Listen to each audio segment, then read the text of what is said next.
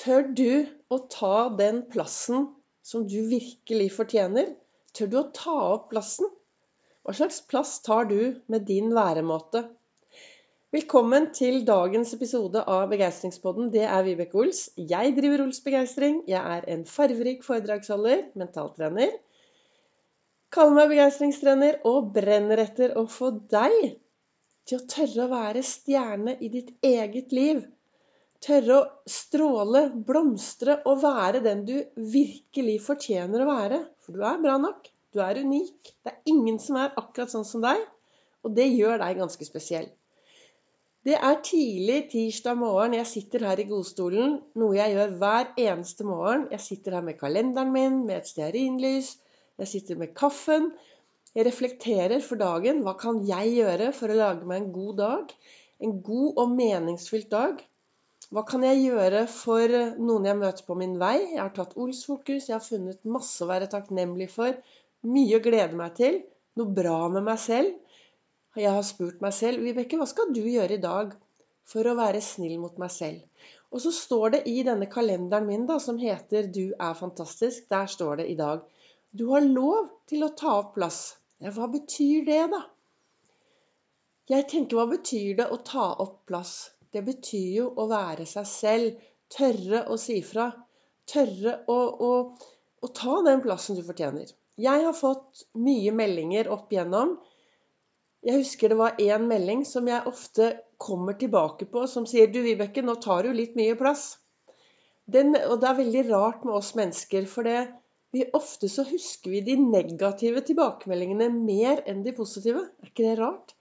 Jeg får også meldinger som, av folk som sier vet du hva, 'Tusen takk, dine livesendinger gjør en forskjell for meg'.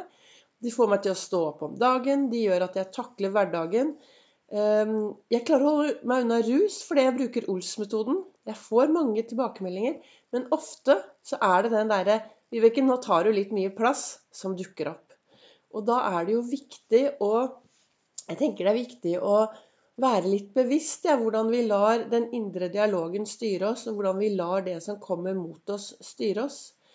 Og jo, jo mer vi er til stede i vårt eget liv, og jo mer vi klarer å starte dagen med en god morgenrefleksjon, jo enklere tenker jeg det er til å ta den plassen vi fortjener.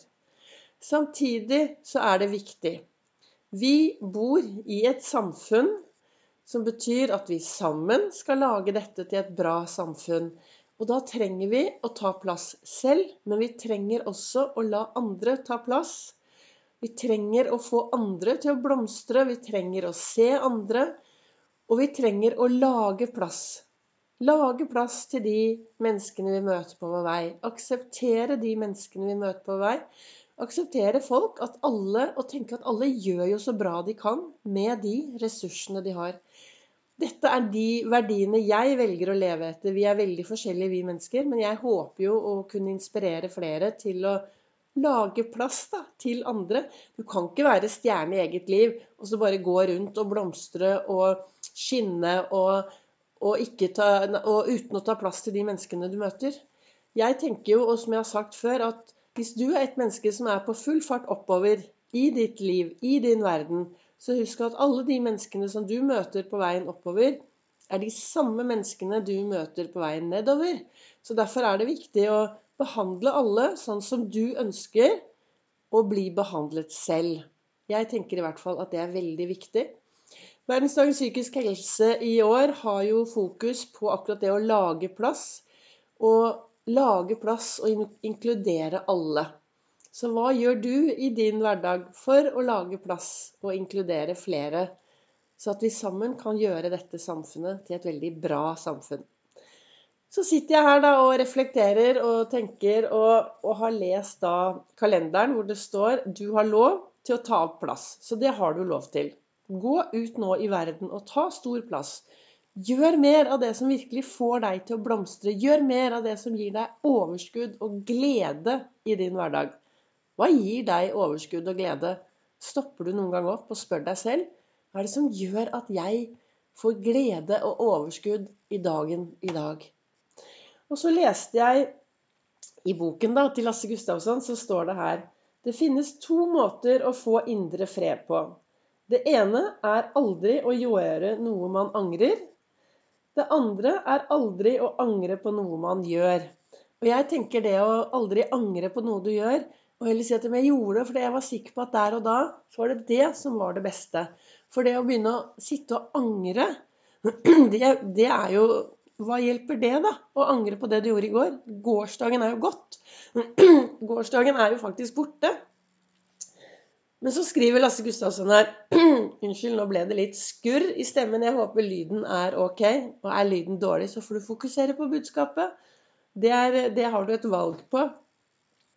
Så står det her Det fins en tredje måte også det er å søke tilgivelse og tilgi seg selv for det man angrer på. Og det tenker jeg er veldig viktig. at Jeg har jo tatt noen Jeg skal ikke si dårlige valg, men jeg har gjort ting som jeg kunne angre mye på i ettertid.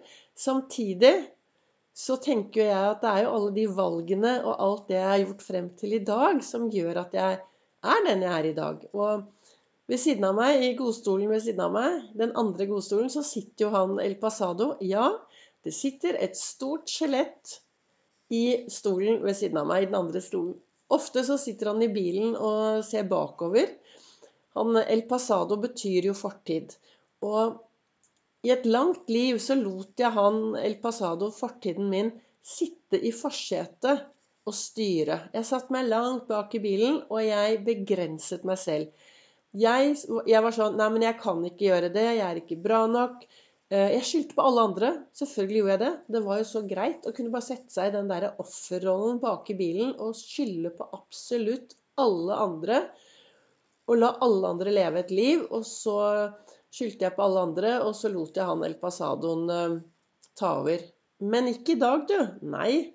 Nå sitter El Pasadoen, når han er med på tur, så sitter han bak i bilen. Og han ser bakover mens jeg sitter i forsetet og har tatt styring i mitt eget liv. Og jeg tar den plassen jeg trenger. Og så lever jeg i dagtette rom, som jeg nevnte i gårsdagens episode på podkasten min.